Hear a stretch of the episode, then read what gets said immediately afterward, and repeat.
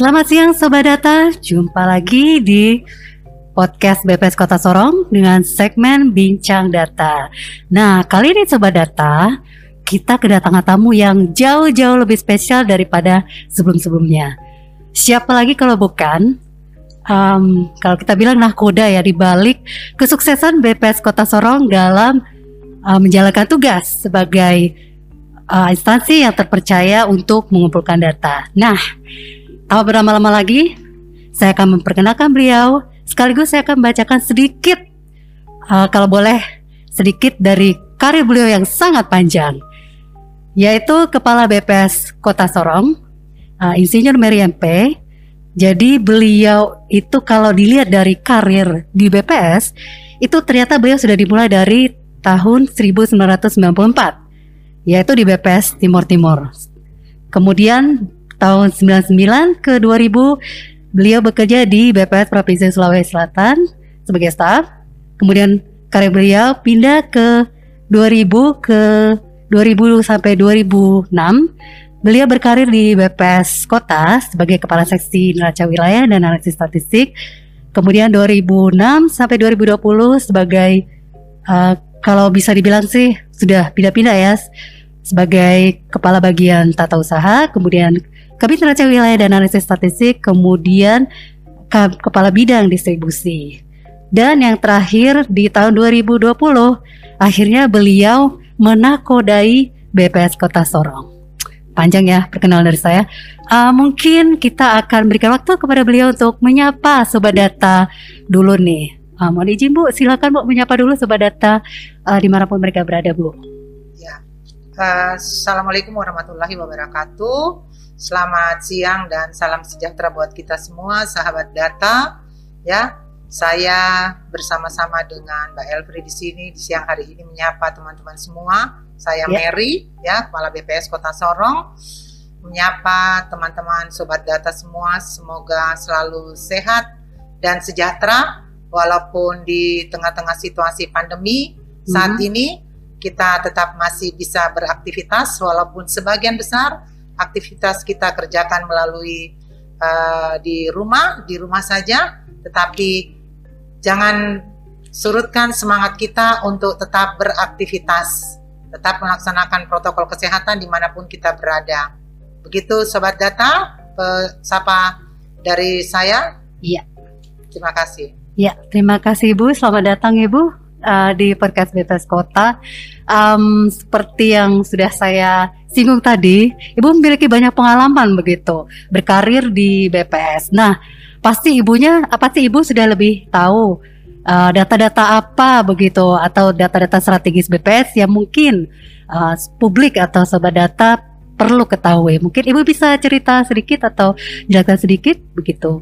Ya, Mbak Elfri, terima kasih ya. Tadi sudah disampaikan uh, karir saya di BPS. Saya memang uh, masuk di BPS itu mulai dari staff. Saya ikut bersama-sama dengan uh, pegawai BPS mengumpulkan data, mengumpulkan ya. data yang nantinya data itu akan digunakan, dimanfaatkan oleh pemerintah maupun stakeholders lainnya, dunia usaha, mahasiswa, swasta untuk uh, mempergunakan data itu di dalam mengambil suatu kebijakan. Nah, data-data strategis yang uh, dihimpun oleh BPS ya banyak sobat data ya. Ada hmm. biasa kita dengar yang namanya inflasi.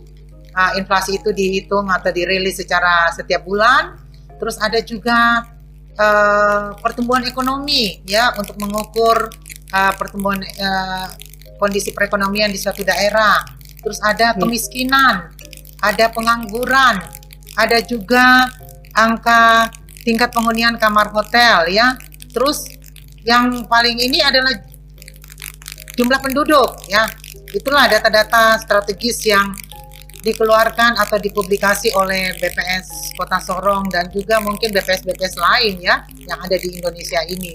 Nah, mungkin saya akan menceritakan sedikit tentang ya hasil-hasil ya supaya sobat data mengetahui ya publikasi atau hasil apa saja sih yang uh, dihasilkan oleh BPS, BPS Kota Sorong terkait dengan kegiatan survei sensus yang dilakukan mengunjungi rumah tangga, mengunjungi perusahaan, mengunjungi tempat-tempat uh, apa uh, hotel-hotel dan lain sebagainya ya. Jadi uh, sobat data tahun lalu ya kita melaksanakan yang namanya sensus penduduk tahun 2020 dan hasilnya udah ada nih. Hasilnya untuk sensus penduduk tahun 2020 jumlah penduduk yang ada di Kota Sorong itu sebanyak 284.410 jiwa ya. wow. ya. Ini akan berkembang terus sampai ke depan ya karena uh, ada yang datang, ada yang pergi, lahir ya, lahir, ada yang iya. pergi juga, ada yang meninggal dan seterusnya. Itu akan bertambah terus.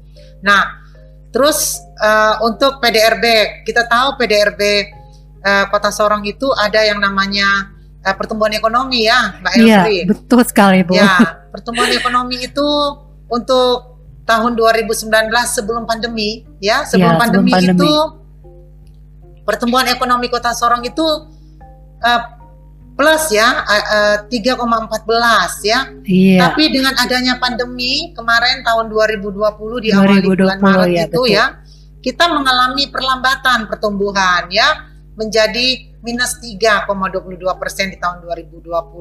Mudah-mudahan hmm. tahun 2021 ini kita mengalami lagi uh, percepatan ya. Iya, ya, percepatan ya, lebih baik untuk, begitu ya. Ya, lebih baik iya. lagi ya Terus juga ada yang uh, data inflasi Mbak Elfri ya. Yeah. Inflasi uh, di kota Sorong ini waktu tahun 2019 itu sebesar 2,19 persen tuh dari Januari sampai dengan Desember.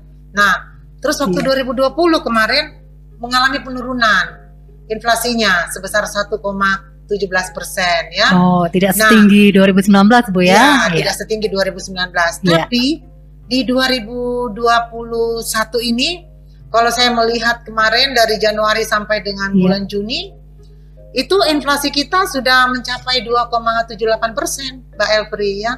Wow. Jadi ya lumayan tinggi juga. Iya, uh, iya betul ini. ya Bu. Nah, inflasi itu kenapa bisa inflasi? Nah itulah uh, tugas dari uh, kita semua, khususnya uh, pemerintah daerah.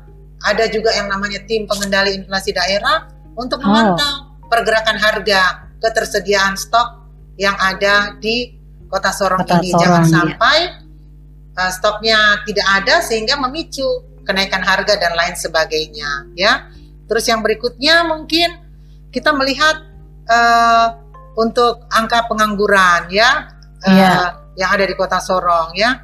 Saya lihat itu angka 2019 itu ke 2020 ada kenaikan, ada kenaikan angka pengangguran. Kita tahu ya 2020 itu uh, masuk dalam pandemi. Pandemi. Ya. Jadi pandemi, banyak yang menganggur, Bu ya. Banyak yang menganggur Waduh. karena ada pemutusan hubungan kerja. Waduh. Karena semua pergerakan orang dibatasi, ya. Iya. Ada yang namanya PSBB dulu ya tahun lalu. Iya. Sekarang itu menjadi PPKM. PPKM. Ya.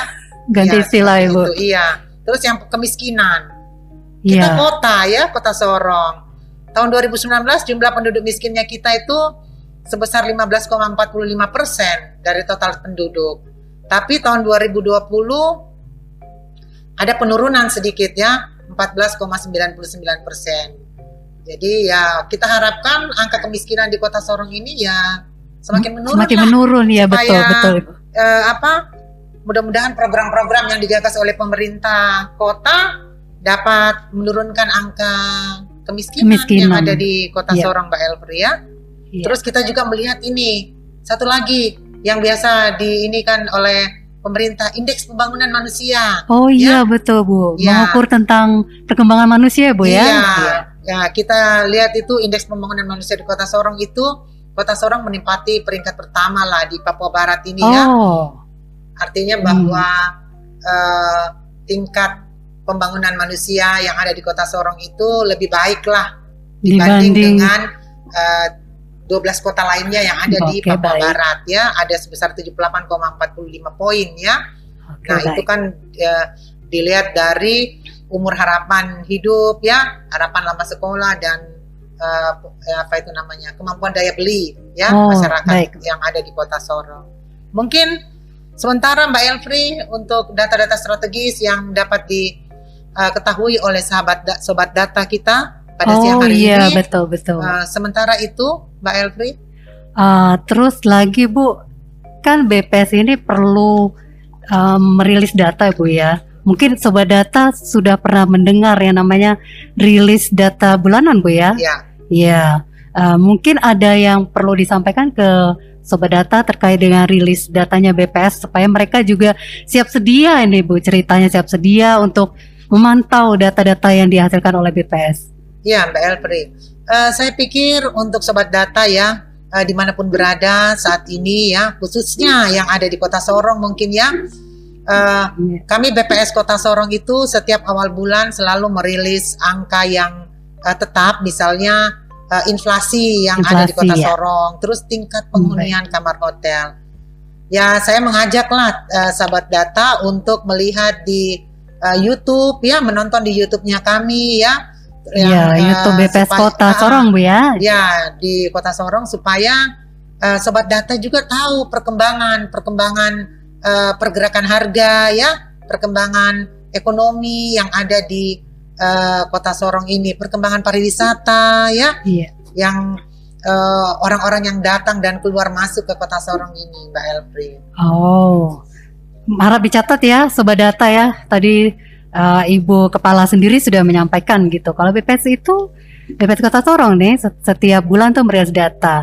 Uh, kemudian saya penasaran Bu, uh, manfaat datanya sendiri bagi publik itu apa Bu ya? Secara umum gitu kan kalau pemerintah daerah jelas sebagai evaluasi pembangunan mereka. Nah kalau untuk masyarakat biasa begitu Bu, atau mungkin uh, apa masyarakat umum begitu Bu? Ya. Kira-kira data BPS itu apa manfaatnya buat mereka gitu?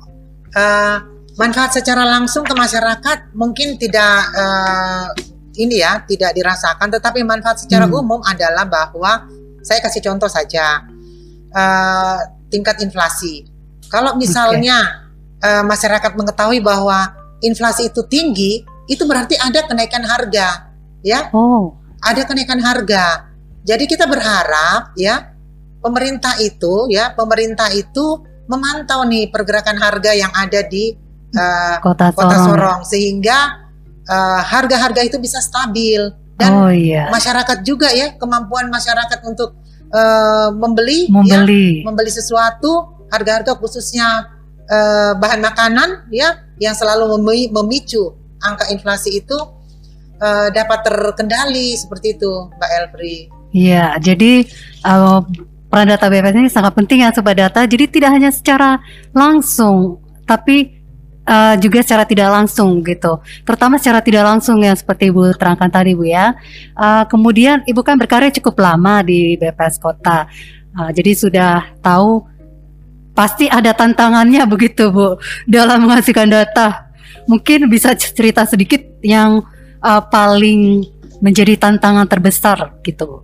Ya, uh, saya untuk tantangan kita ya sebagai uh, pegawai BPS ya atau yeah. sebagai kantor lah ya karena saya ini menakodai kantor BPS yeah, Kota Sorong ini ya. Nah, uh, yang pertama adalah kebutuhan akan data statistik itu yang berkualitas uh, beragam. Terus permintaan dari luar itu cepat. Misalnya nih ya dari Bapak Wali Kota Sorong ya, dari pejabat-pejabat yang ada di OPD Kota Sorong. Nah, ketika meminta data itu kan uh, maunya datanya segera, segera ya.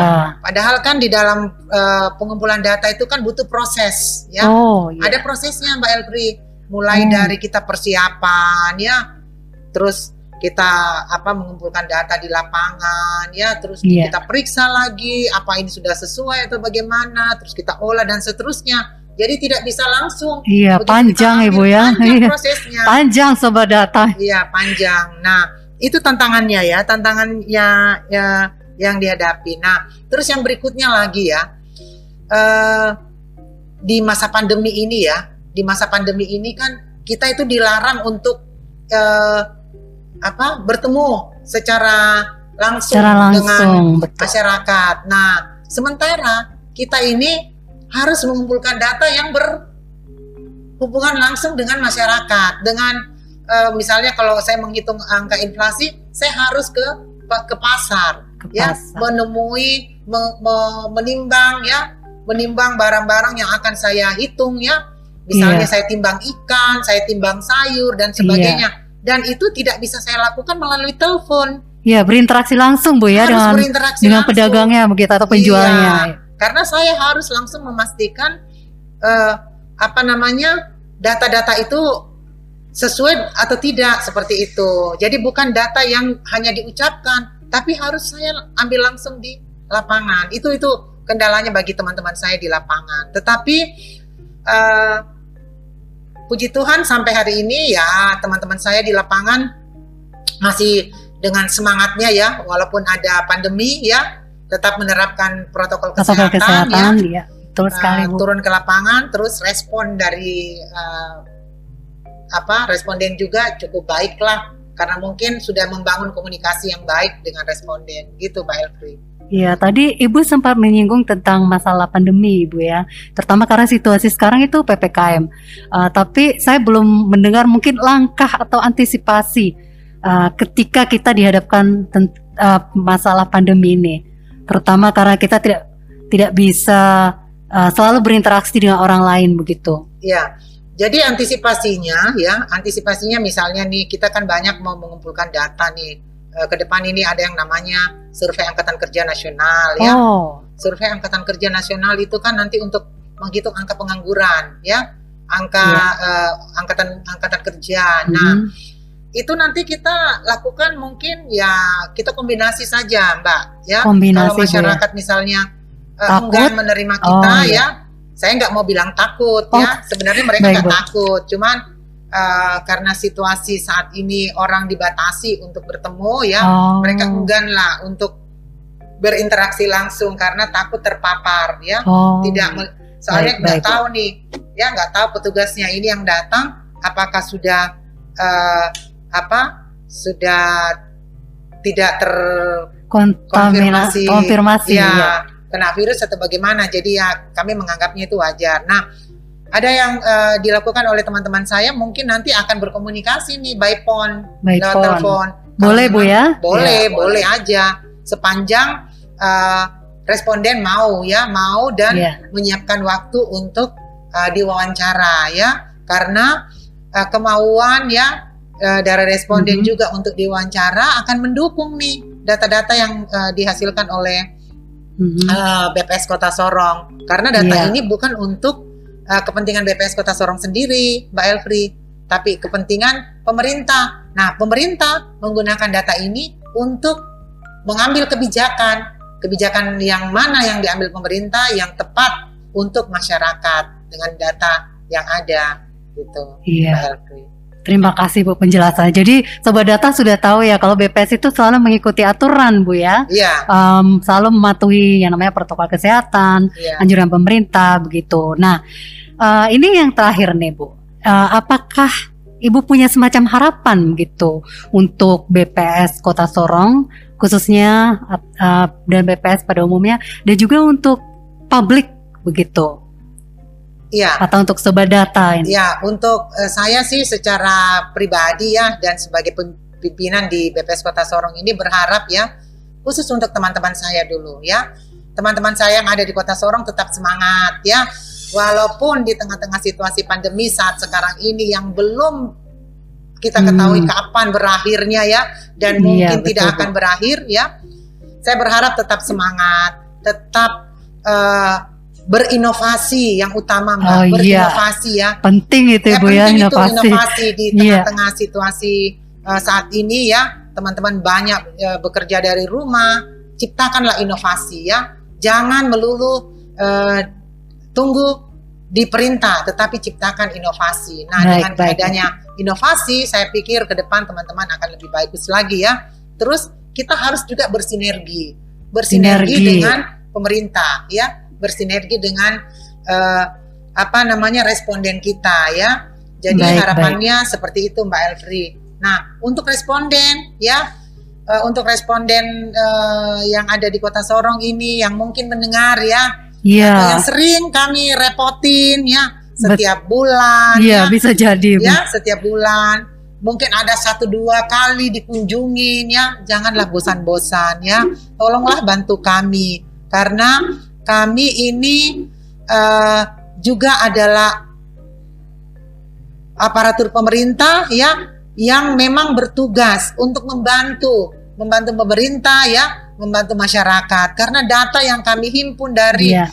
teman-teman yang terkena sampel ya sebagai responden ya itu benar-benar datanya itu nanti akan berguna untuk pemerintah. Saya juga memohon maaf ya kepada uh, responden misalnya nanti yang sering-sering dikunjungi terus akhirnya jadi bosen ya. Ya saya minta maaf lah untuk untuk itu. Jangan bosan-bosan lah karena uh, melalui ini mungkin uh, teman-teman responden bisa berbuat kebaikan untuk uh, bangsa dan negara ini Iya. khususnya di BPS Iya, Kota saya setuju poin ya. Ibu. Jadi Iya. seperti itu. Jangan jemu-jemu ya, karena saya percaya bahwa data yang atau informasi yang teman-teman responden berikan untuk BPS itu sangat berguna untuk eh, data yang dihasilkan oleh BPS. Nah, untuk pemerintah nih ya, pemerintah saya berharap bahwa pemerintah dapat menggunakan data-data yang dihasilkan oleh BPS ya untuk eh, kemakmuran masyarakat yang ada di Kota Sorong ini. Demikian Mbak Elfri. Wah, luar biasa ya, Sobat Data. Eh, apa yang sudah disampaikan oleh Ibu Kepala BPS Kota Sorong Eh, dan sebenarnya saya penasaran juga nih Bu. Mungkin Ibu ada eh, apa semboyan hidup begitu yang bisa dijadikan pedoman dalam setiap langkah Ibu eh, dalam memimpin BPS Kota Sorong. Eh, kalau semboyan ya, saya selalu eh, mengucap syukur dalam segala Mengucap hal ya. syukur. Mengucap syukur. Hmm. Jadi eh, apa pun yang kita kerjakan, kerjakanlah semuanya itu untuk Tuhan ya. Jadi kita bekerja, kita eh, bekerja ikhlas saja. Kita bekerja ikhlas, percayalah teman-teman, ketika kita bekerja ikhlas, kita akan mendapatkan yang terbaik dari Tuhan. Itu Baik. aja, Mbak Elvi. Baik, luar biasa Ibu. Terima kasih Ibu ya atas Sama-sama, waktu Ibu di tengah eh, apa aktivitas Ibu yang sangat padat. Siap. Dan tanggung jawab Ibu yang berat sebagai Kepala BPS Kota Sorong. Semoga Ibu tetap sehat Ibu ya. Amin. Ya, dan Sobat Data, eh, kayaknya segitu aja dulu podcast eh, dengan segmen Bincang Data kita untuk hari ini. Eh, jangan lupa saya selalu mengingatkan nih, eh, setiap selesai eh, diskusi eh, dengan narasumber, eh, jangan lupa jaga kesehatan, terutama patuhi protokol kesehatan seperti yang dianjurkan oleh pemerintah eh, karena pandemi ini masih belum berakhir. Eh, demikian, Sobat Data, salam sehat. Terima kasih.